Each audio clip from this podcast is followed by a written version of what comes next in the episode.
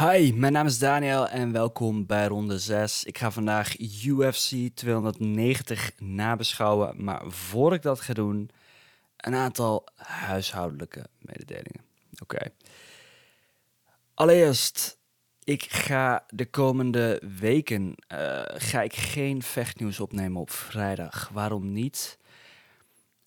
Zoals mensen wel weten die het kanaal volgen, de laatste tijd behoorlijk wat content kunnen uploaden. Ik heb het ook echt met veel plezier gedaan, maar ik merk gewoon nu een klein beetje dat eh, ik merk dat het nu ook vooral met de komst van YouTube, ik merk dat het gewoon allemaal wat meer tijd in de slag neemt om om iets op te bouwen. En vooral die video's. En ik wil gewoon ietsje meer gaan kijken van, oké, kan ik misschien video's gaan creëren met beeld. En dan bedoel ik niet mijn gezicht, want dat interesseert toch niemand.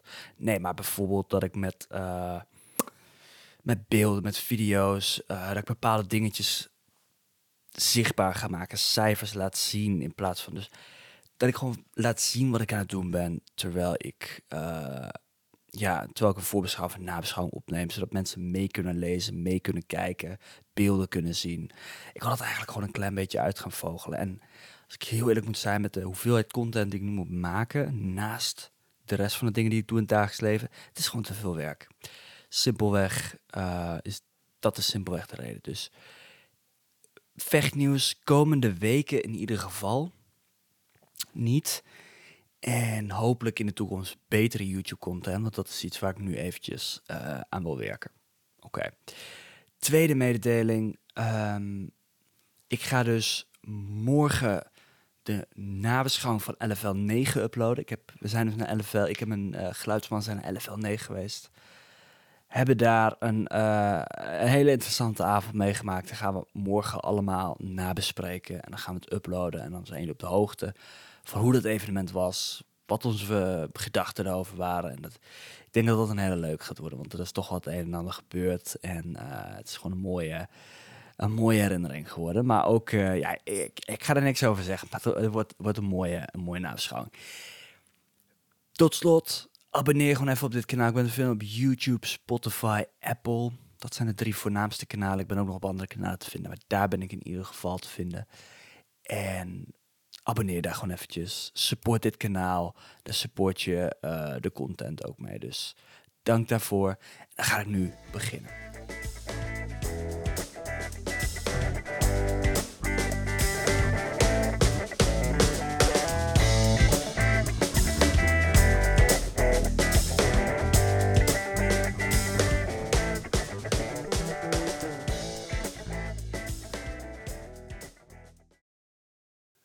Oké, UFC 290 zit erop. Las Vegas International Fight Week, 8 juli. Wat een evenement. Wat een evenement. Ik denk dat. Ik denk dat heel veel mensen die dit evenement hebben bekeken van top tot teen echt, echt genoten hebben van het, van het gehele spektakel. En International Fight Week is natuurlijk bedoeld. Ik heb even opgezocht. In de voorbeschouwing zei ik: Ik weet eigenlijk niet precies wat International Fight Week betekent. Nou, ik heb het opgezocht. Dat hebben ze dus geïntroduceerd in Las Vegas om um, ja, inkomsten, volgens mij toeristeninkomsten te verhogen. En daar hebben ze International Fight Week geïntroduceerd. Eén keer per jaar, volgens mij. Uh, of ja, volgens mij één keer per jaar in juli dus. Uh, en dan is dat in Las Vegas een groot, groot evenement. Nou, vooraf, voorafgaand het evenement, als ik heel eerlijk moet zijn, ik vond uh, voor een International Fight Week, iets wat één keer per jaar gebeurt, iets wat groot moet zijn, vond ik de namen goed, maar ik vond het niet geweldig. Ik vond het niet geweldig. Maar dat was vooraf, voorafgaand het evenement de namen, je had grote namen erop staan. Volkanovski. Je hebt grote namen als Moreno, als Robert Whittaker, als Dan Hooker, als Bo Nickel, als Robbie Lawler. Je had grote, grote namen op het evenement staan, maar je had niet een John Jones of een Conor McGregor of een Dustin Poirier, Justin Bijvoorbeeld als Dustin Poirier, Justin Gaethje het uh, gevecht wat uh, het titel, of ja, het, de headline is van de volgende pay-per-view. Als dat gevecht hier nog bovenaan had gestaan, dan was het echt een giga-evenement geweest. Dus voorafgaand dit evenement had ik zoiets van, ja, het is niet het grootste evenement uh, alle tijden, maar goed, we gaan zien wat er gaat gebeuren. Na afloop van het evenement, wauw, dit evenement heeft geleverd. Dit evenement heeft geleverd. De kwaliteit was super. We kijken, we zien, je hebt, je hebt controversiële beslissingen, je hebt dominante uh, prestaties, je hebt verrassingen, je hebt, als het goed is, vijf eerste ronde knockouts. Even kijken, ja, vijf eerste ronde knockouts. Je hebt submissies, je hebt. Uh, en menig gevecht op dit evenement is vroegtijdig beëindigd. Volgens mij zijn er maar één. Even kijken. 1, 2, 3, vier beslissingen op het hele evenement van top tot teen. Vier beslissingen. En één van die vier beslissingen, daar ga ik het zo over hebben, is de co-headliner Pantoja versus Brandon Moreno. Of Moreno versus Pantoja. En dat is het gevecht. Een potentiële kandidaat voor het gevecht van het jaar. Dus zelfs de beslissingen zaten al goed in elkaar. Verder knockouts, submissies, wat wil je nog meer? Ja, oké. Dat gezegd heb, dat zijn mijn algehele gedachten van het evenement. Het evenement leek voorafgaan wat schaars voor een International Fight Week evenement. Na afloop van het evenement zou ik zeggen, oké, dit is echt een zeer, zeer goed evenement geweest. Heb je dit nog niet gezien? Zet dit uit stop met de spoilers en ga dit evenement kijken. Nu. Het, het is echt een spektakel van top tot teen. Ik denk dat het, uh, ja. Goed, heb ik niet alles kunnen zien. Dan moet ik wel even voorzetten. Ik heb, ben vanaf Alonso Manfield ben ik gaan kijken. Ik ga ook zeker niet alle even, uh, gevechten bespreken. ik ga een stuk of drie, vier uh, gevechten bespreken. En dan, dan hou ik ermee op. En dan begin ik natuurlijk met het laatste evenement van de avond, zoals ik altijd doe. Volkanovski versus Rodriguez. Volkanovski verslaat hierbij Jair Rodriguez middels een knockout in de derde ronde. Dit was uiteraard een vedergewicht titelgevecht. Alexander Volkanovski, de vedergewicht kampioen, werd uitgedaagd door Jair Rodriguez, de interim vedergewichtkampioen. Dus was kampioen versus kampioen in zekere zin.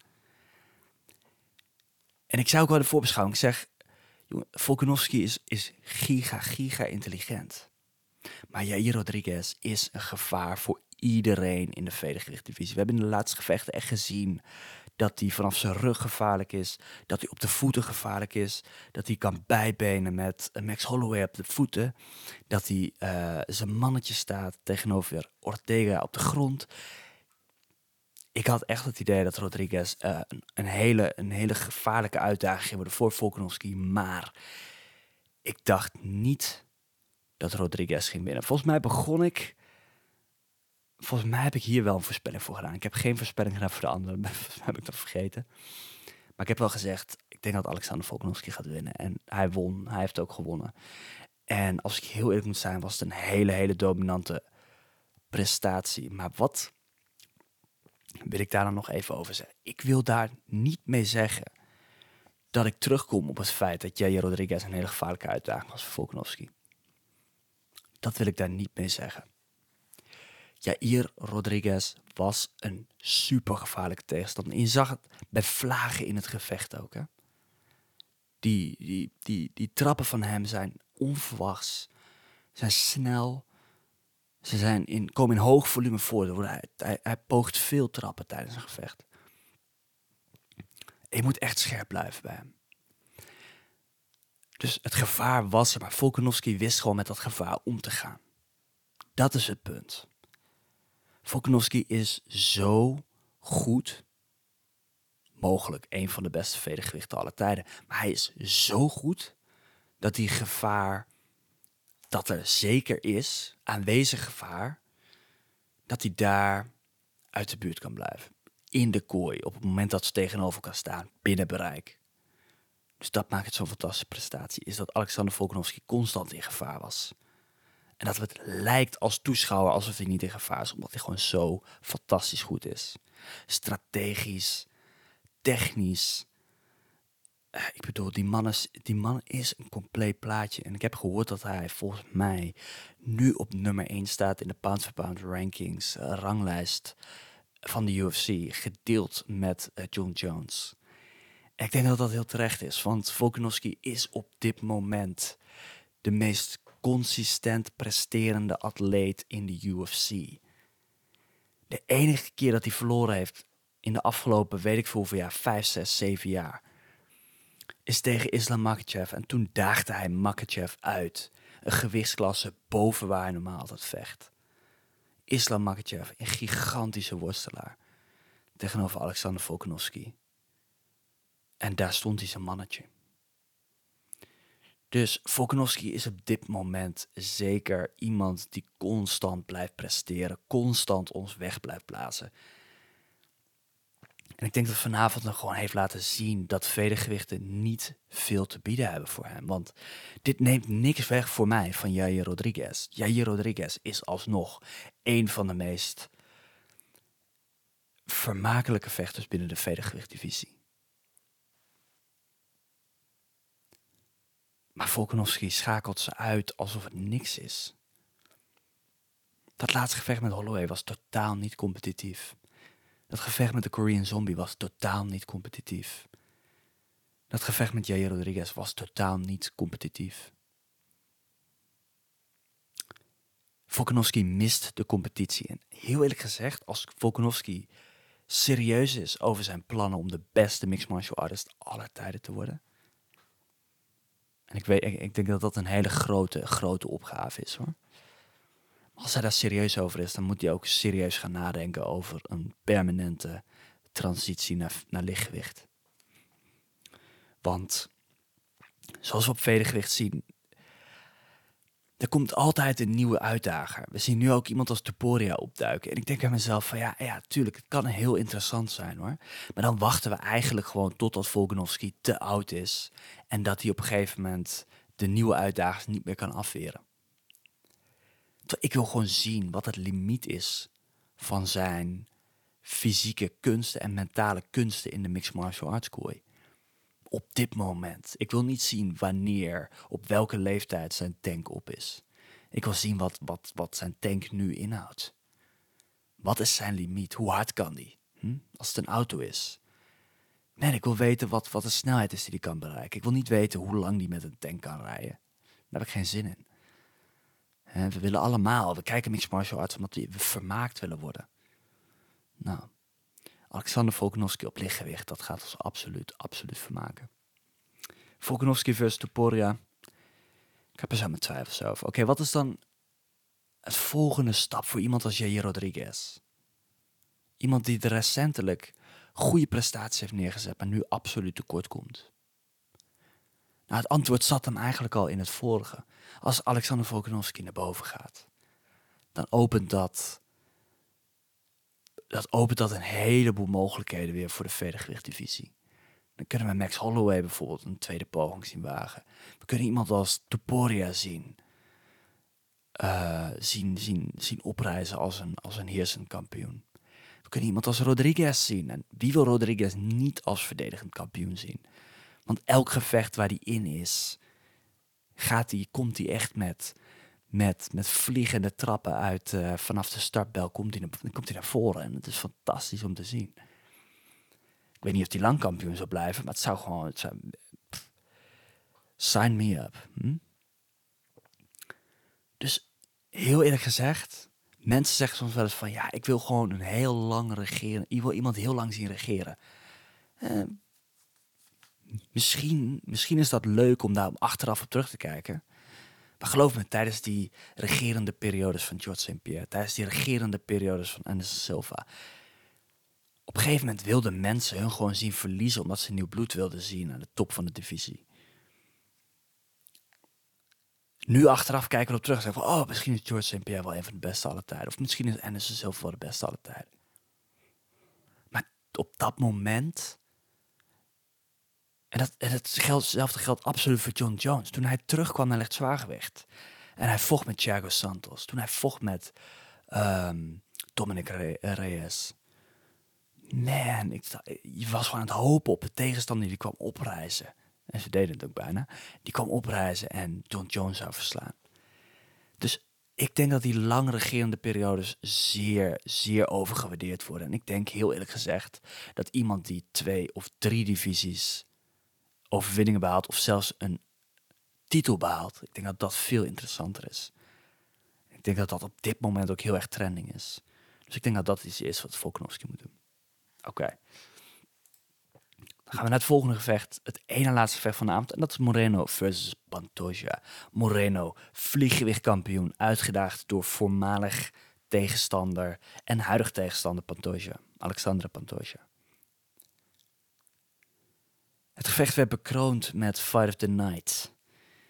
En terecht. Nou, ik zat in de trein vanuit Amsterdam terug naar Gent. Ik woon in Gent. Um, en ik zat in de trein dit gevecht te bekijken. En ik denk, hey, ik, ik was me nog helemaal niet op voorbereid wat voor gevecht dit zou worden.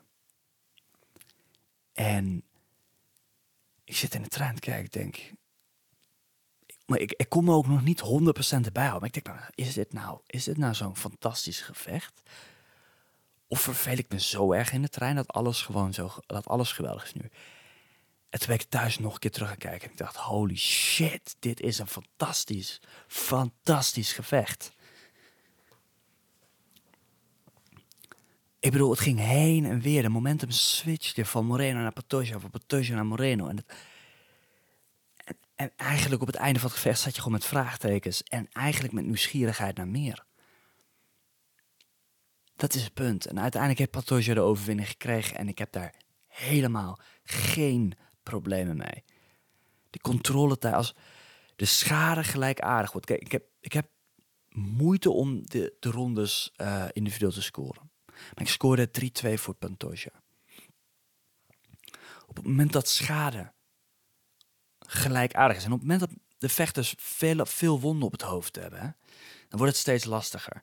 En de jury krijgt die cijfers, de cijfers van het gevecht, niet Ehm, live te zien. Dus zij weten niet hoeveel stoten er exact geland zijn. Hè? Enkel misschien een, een grove telling die ze in hun hoofd hebben. Want als we kijken naar de stoten. Totaal heeft Brandon Moreno 147 van de 245 stoten geland. En Alexandre Pantoja 129 van de 274. Dus Pantoja heeft meer pogingen gewaagd. Maar de precisie van Moreno was veel sterker, 60%. En Alexander Pantoja heeft 47% van de stoten geland. Maar je ziet het, controletijd. Brennan Moreno, 4 minuten. Alexandra Pantoja, 8 minuten 26. Dat is dubbele controletijd. Brennan Moreno heeft wel drie reverses. En dat, zijn dus, dat is dus een situatie dat Pantoja eigenlijk een dominante positie heeft, ofwel de rug of bovenop. En dat Brandon Moreno zich eruit, zich eruit redt en vervolgens degene is die op de rug zit of bovenop belandt. Dat is zo'n reverse. Ik zou even het Nederlandse woord daarvoor moeten zoeken. Mm. Ik wil consistent blijven. Ja, ik krijg even die kutvertaling waar ik gewoon helemaal niks aan hebben. Nou, in ieder geval dat er gewoon een. Uh, dat eigenlijk de situatie omgedraaid wordt. De dominante positie op de grond omgedraaid wordt. Hè. Dat is een reverse. Dus Brennan Moreno drie keer, drie keer heeft hij een dominante positie weten om te draaien. Dat is een fantastische prestatie. Vooral omdat we in de eerdere gevechten hebben gezien dat Pantoja compleet wegliep met de overwinning. En hier Moreno stond absoluut een mannetje. En dat mag ook wel als regerend kampioen. Plus, ik zei ook in de voorbeschouwing, Moreno is iemand die echt ontzettend erg gegroeid is. En van Pantoja kon ik dat niet echt goed inschatten. Omdat Pantoja gewoon al best wel een tijdje een killer is. Maar gewoon regelmatig tegenslagen heeft tegen de top van de divisie. En dat hij dan vandaag hier, of nou gisteren of twee dagen geleden hier de overwinning binnengehaald heeft. Dat is, dat is heel bijzonder om te zien. persoonlijk, als ik heel eerlijk moet zijn denk ik dat dat komt vanwege het hart, vanwege de wilskracht. Want je zag dat Pantoja eerder in het gevecht al last kreeg van vermoeidheid. Maar hij vocht zich er doorheen en vocht zich er doorheen. En hij bleef doorgaan en hij bleef doorvechten. En hij bleef zoeken naar dominante posities. En ik denk op een gegeven moment dat hij ook wel wist van die knockout zit er niet in. die gasten die bleven me stoten landen. En die, die rechte stoot van Moreno had er echt moeite mee. Het was zo'n interessant gevecht om te zien. Ik denk dat die vlieggewichten de laatste tijd echt heel erg op aan het opdagen zijn. Ik denk dat Dana White, want voor de mensen die dat niet weten, uh, twee, twee drie of drie jaar geleden, volgens mij was het 2020 ergens, toen was er sprake van dat de vlieggewichtdivisie opgedoekt zou worden. Dat de vlieggewichtdivisie beëindigd zou worden omdat er niet zoveel vraag naar was. Omdat de pay-per-views, omdat ze niet zo heel veel bijdroegen aan pay-per-views. En wat je op dit moment ziet, het is nog steeds geen headliner. Ik bedoel, de pay-per-views met een vlieggewichtgevecht, titelgevecht als headliner, die doen het over het algemeen niet heel goed. Dus het zijn geen pay-per-view headliners, maar het zijn absoluut prachtige co-headliners. Dat zag je ook hier twee dagen geleden uh, bij UFC 290, waar een gevecht als dit, uh, Fight of the Night wordt, heel terecht, mogelijk gevecht van het jaar wordt. En super competitief. En het spreekt uh, het evenement. Als mensen het over het evenement hebben, dan gaan ze het over dit gevecht hebben. En dat is fantastisch. Dus ik denk dat Dana White heel blij is dat hij die divisie niet opgedoekt heeft. En dat ze er nog steeds zijn vandaag. Want kijk eens wat voor prestaties ze leveren. En laten we heel eerlijk wijzen. Het is heel vaak dat deze gevechten een gelijke noemer hebben. Die gelijke noemer is Brandon Moreno. En exact om die reden zou ik zeggen, laten we dit gevecht nog een keer doen. Het was een knaller. Het was een knaller. En dat haakt ook weer aan op mijn voorspelling van Fight of the Night. Dat betekent niet dat een knaller de ene avond een knaller is op de andere avond. Dat zagen we ook met Breno Moreno versus Figueiredo. Eerste gevecht, knaller van links naar rechts. En de gevechten daarna waren goed, begrijp me niet verkeerd. Maar het was niet de knaller die het eerste vecht was. Dus het zou ook zomaar kunnen dat als Moreno en Patoja voor de tweede keer, nou ja, voor de derde keer vechten. Vierde keer als je Ultimate Fighter meetelt. Dat het dan niet zo'n knaller wordt. Hè. Dat, dat, dat kan heel goed. Maar man, wie zou er nou geen zesde ronde van dit gevecht willen zien? Hm? Voor de mensen die zeggen, ja, uh, Moreno had het gevecht gewonnen. Ja, luister, het kan. Hè, het gevecht, uh, de jury had zomaar kunnen zeggen 3-2 ehm, voor Moreno, 3-2 voor Montoya. Maar er was een jurylid die zei 4-1 voor Moreno. Daar heb ik wat meer moeite mee daar heb ik wat meer moeite mee. En zo zou ik het ook niet scoren. En ik vraag me af waarom de laatste tijd de juryleden toch zulke onlogische keuzes maken af en toe. Maar goed, ik ben heel blij dat ik geen jurylid ben en dat ik die verantwoordelijkheid ook niet draag. Oké, ik ga wat andere gevechten even wat korter behandelen. Maar dit zijn zeker, zeker. Eigenlijk kan ik alle gevechten van het evenement wel gaan bespreken. Maar dat ga ik niet doen. Maar Whittaker versus DDP. En ik heb uh, Dricus Duplessis. En ik heb het niet voorbeschouwd. Simpelweg omdat ik de voorbeschouwingen gewoon niet al te lang wil houden. En ik wil een five to night voorspelling doen.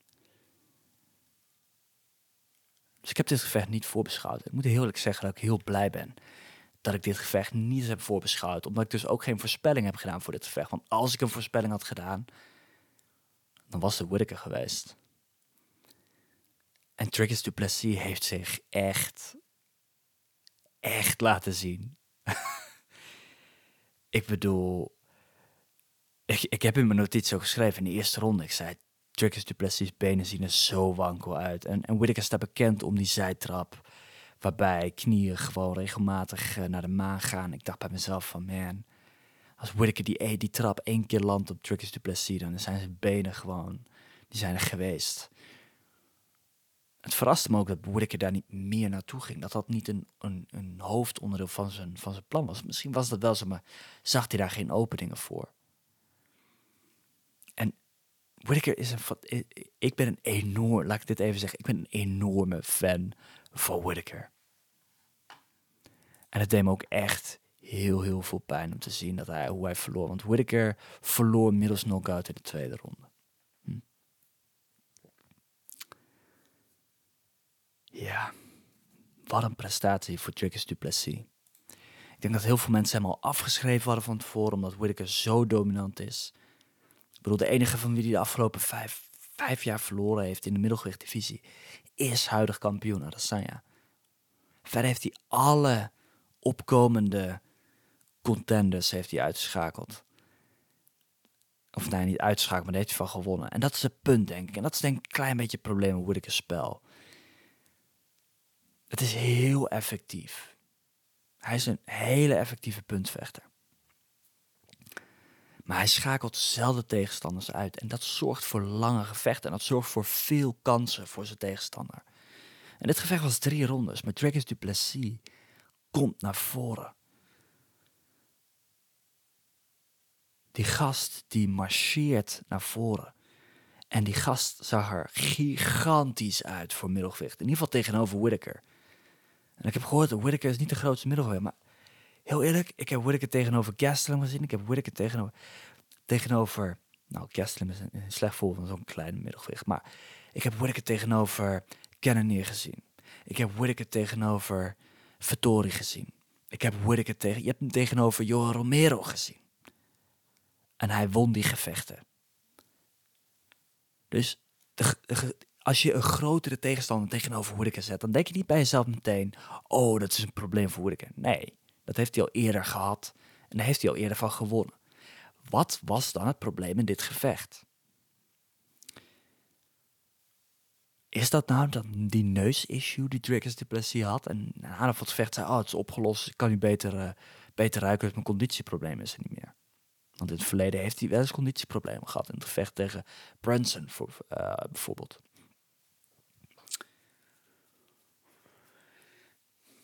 Ik weet het niet. Kwam Whittaker nu niet opdagen? Of was het gewoon die jab, die, die, die rechte stoot, die daar in één keer vanuit het niets binnenkwam, op Whittakers gezicht landde? Of was het het feit dat, dat, dat Dricus Duplessis in de eerste ronde Whittaker al bij zijn hoofd vast kon pakken en hem op de grond kon tackelen? En basically kon doen wat hij wilde met, met, met Whittaker daar op de grond. Misschien gaf dat Dricus Duplessis wel weer heel veel zelfvertrouwen. Of misschien nam dat het zelfvertrouwen van Whittaker juist weer wat weg. Waardoor in de tweede ronde op een gegeven moment, je zag die rechte stoot landen. Whittaker ging naar de grond. En dat was eigenlijk het begin van het einde. Whittaker herstelde niet van die rechte stoot. En de timing van Dricus Duplessis kan zomaar eens een stuk sterker zijn dan we denken.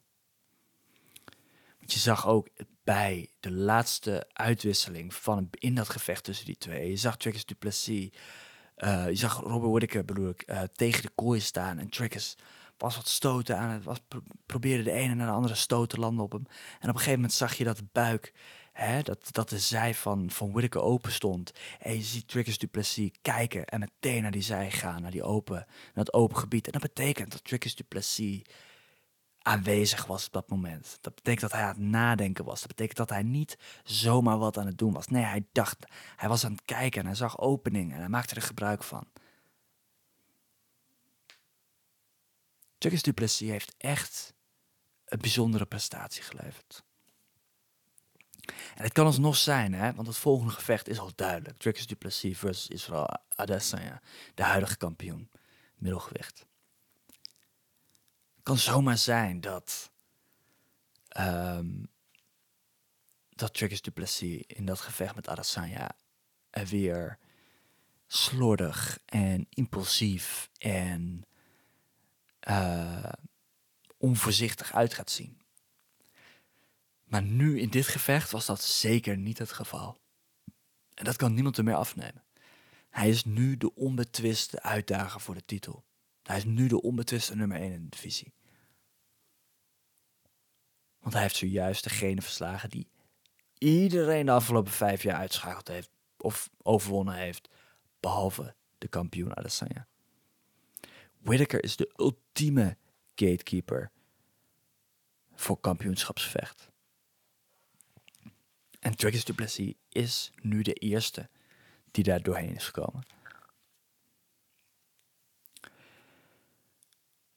Oké, we weten dus dat daar een titelgevecht uit gaat komen voor Dragons Duplessis. Maar wat gaat er nu gebeuren met Robert Whittaker? En dit is het lastige. Want ik ben een enorme uh, Robert Whittaker fan, maar niet zozeer van hem in de kooi. Hij kan praten, hij is super sympathiek. Ik, als een interview beschikbaar is met Robert Whittaker, dan kijk ik die, dan luister ik die. Die man is echt een, een fantastische uh, vertegenwoordiger van de sport. Fantastisch. Maar zijn gevechten zijn veelal beslissingen. Zijn gevechten zijn veelal technisch, schaakspellen.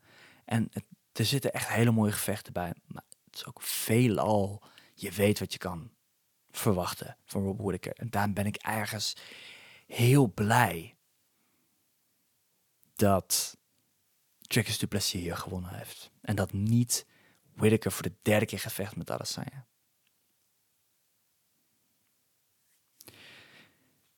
Dricus Duplessis zei op het einde ook in het interview, hij zei, you see I have cardio for days. En ik dacht bij mezelf, dude, je hebt twee rondes gevochten.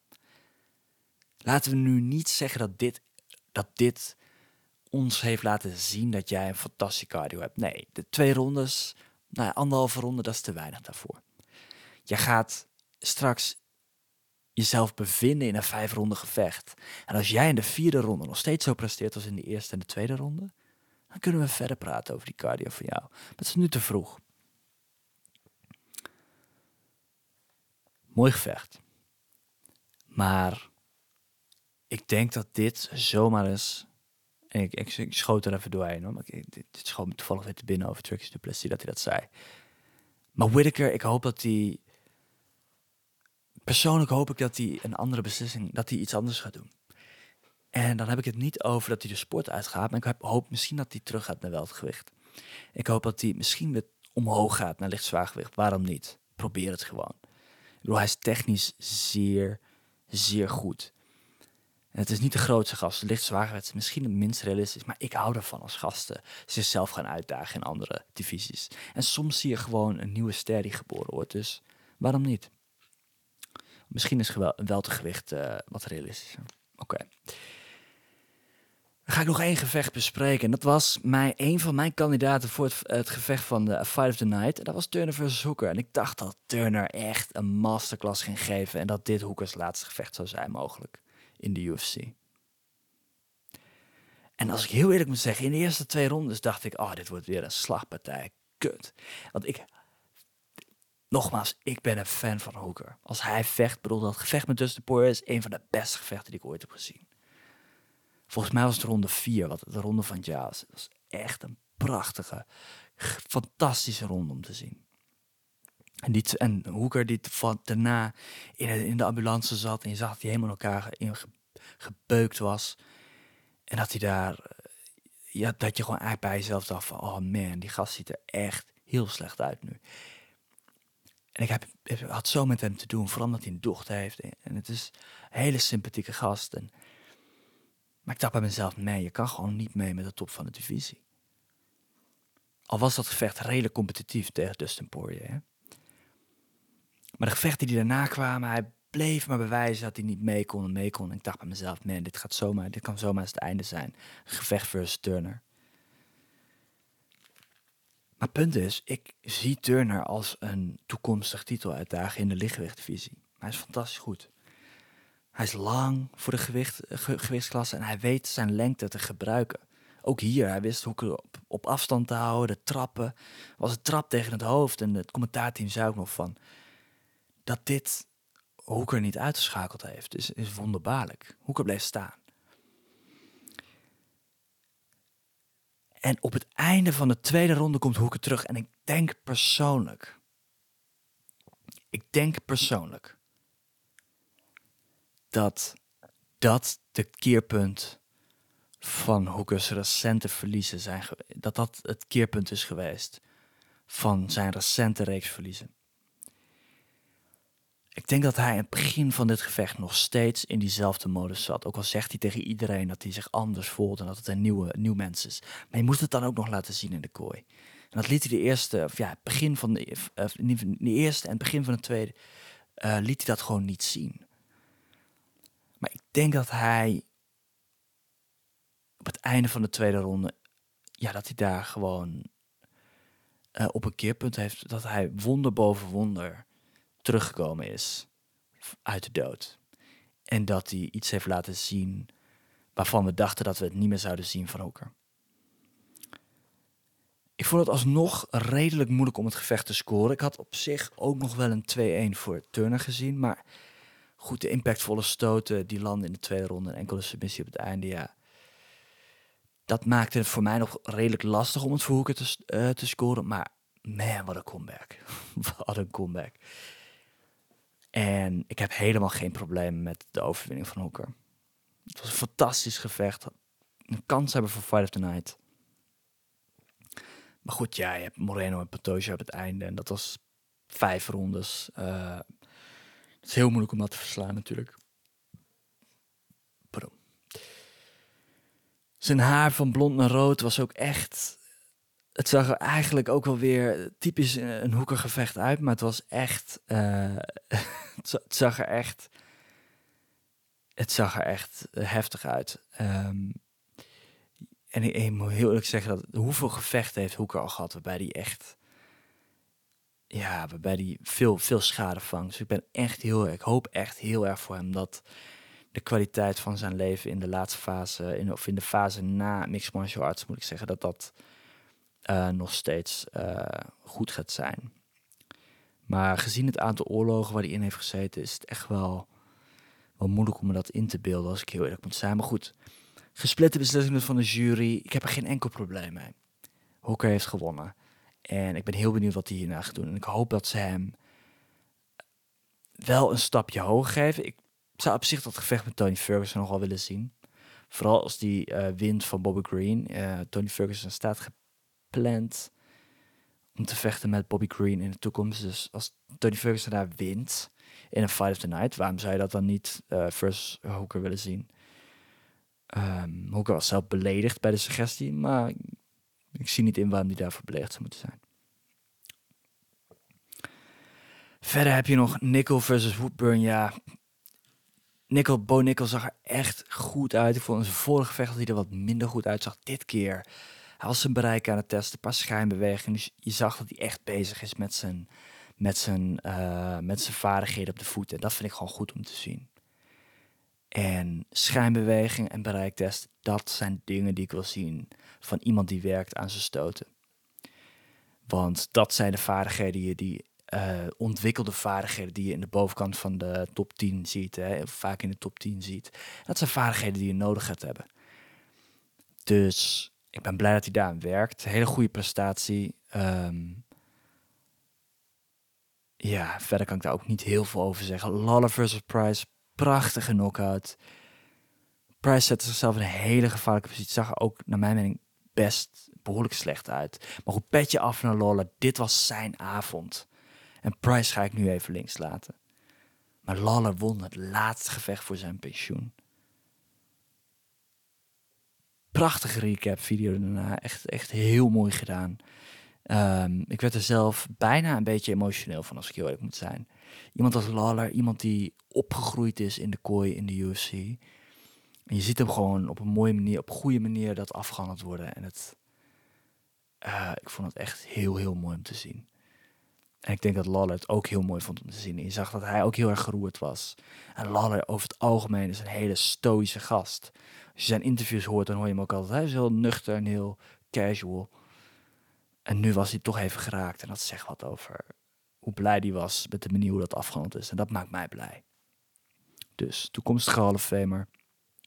Prachtig moment. En het is... Ah, en wat is nou mijn favoriete lallermoment? Laat ik eens een eerbetoontje geven aan Mijn favoriete laller moment is zonder twijfel het gevecht met Rory McDonald. Waarin je hem na het gevecht, nadat het gevecht beëindigd is, ziet, uh, ziet schreeuwen naar de camera. En je ziet dat zijn lip gescheurd is. En je denkt, gozer, jij bent echt, echt, echt geboren hiervoor. Jij bent echt een krijger. En dat is mijn favoriete lalle moment. Ik heb dat gevecht teruggekeken in 2019, denk ik. Ik heb het niet uh, live of destijds kunnen zien, want toen keek ik nog geen UFC. Maar nou, wel. Nee, nee, ik denk net nog geen UFC. Maar ja, wat een, wat een, wat een, wat een gast. Misschien dat dat gevecht met Ben Askren dat hij had met Ben Askren, uh, die eerste paar minuten waarbij Robbie Lawler op de, oh, Ben Askren op zijn rug goed smeet. En die begon op Askrens hoofd in te rammen. En ik dacht bij mezelf, holy shit. Dit is Askrens eerste gevecht in de UFC. En hij wordt hier echt compleet afgemaakt. Maar goed, kwam die terug in, het, die terug in de tweede ronde en, en wurgde die uh, Lawler in, uh, of in de eerste ronde zelfs voor mij nog. Maar dat was ook echt, echt een mooi, mooi, mooi Lawler moment. En wat een carrière. Kampioen geweest. Ik denk dat hij terug mag kijken met veel trots. En het was echt een helemaal heel mooi moment. Oké. Okay. Versus Manifield helaas niet Fight of the Night geworden. Uh, dus mijn voorspelling was weer incorrect. Maar goed, Moreno versus Pantoja. Ik had echt niet geraden hoor, dat dat Fight of the Night zou worden. Natuurlijk, Moreno, uh, ik, ga hem, ik ga nooit meer uit, uitrekenen voor dit soort dingen. Maar ja, ik had het daar gewoon niet gedacht. En Croup Manifield, ik had gedacht daar meer actie in zou zitten. Maar goed, beide heren waren gewoon voorzichtig, omdat ze niet dezelfde fouten wilden maken als de vorige keer. En ik dacht juist dat het beide heren zelfvertrouwen zou geven, in plaats van dat ze twijfelachtig zouden worden. Dus dat is gewoon een, eh, een calculatiefoutje. En goed, dat ga ik ook zeker meenemen als Moreno en Patoge voor de tweede keer gaan vechten. Dus. Um, maar goed, Manifield heeft gewerkt, strategie. Crude uh, liep in de val. Crude deze handschoenen uit. Ja, verder niet echt heel veel mening over. Ik hoop dat Crude, hij is nog jong. Ik hoop dat hij door blijft vechten. Ik hoop dat hij, uh, um, dat hij gaat werken aan zijn uh, vaardigheid voeten. Maar goed, Manifield zag goed uit. Oké. Algehele gedachte, fantastisch evenement. Ik heb 41 minuten lang lopen lullen. Waarom? Omdat dit gevecht of dit evenement vol zat met diamanten. Nogmaals, heb je dit gevecht niet gezien, maar heb je wel wat voor dan ook geluisterd naar deze hele nabeschouwing? Weet je, eh, eh, eh, ik veroordeel je niet, hè? Kijk, dit evenement. Wauw, dit is een topper. Mogelijk het evenement van het jaar. Dus uh, ja, als je mixed martial arts fan, bent, dan gaat dit uh, absoluut jouw kop thee zijn. Dus uh, geniet ervan. maar voor alle mensen die het gezien hebben en luisteren, kan met bepaalde meningen met, met me eens zijn, niet eens. Het is allemaal geen punt. We zijn niet gewoon lekker om te kletsen over mixed martial arts. Dat is wat ik graag doe. En ik dank jullie dat jullie me dat laten doen. en dank je wel voor de mensen die abonnee zijn geworden. Ik zie het en ik waardeer jullie.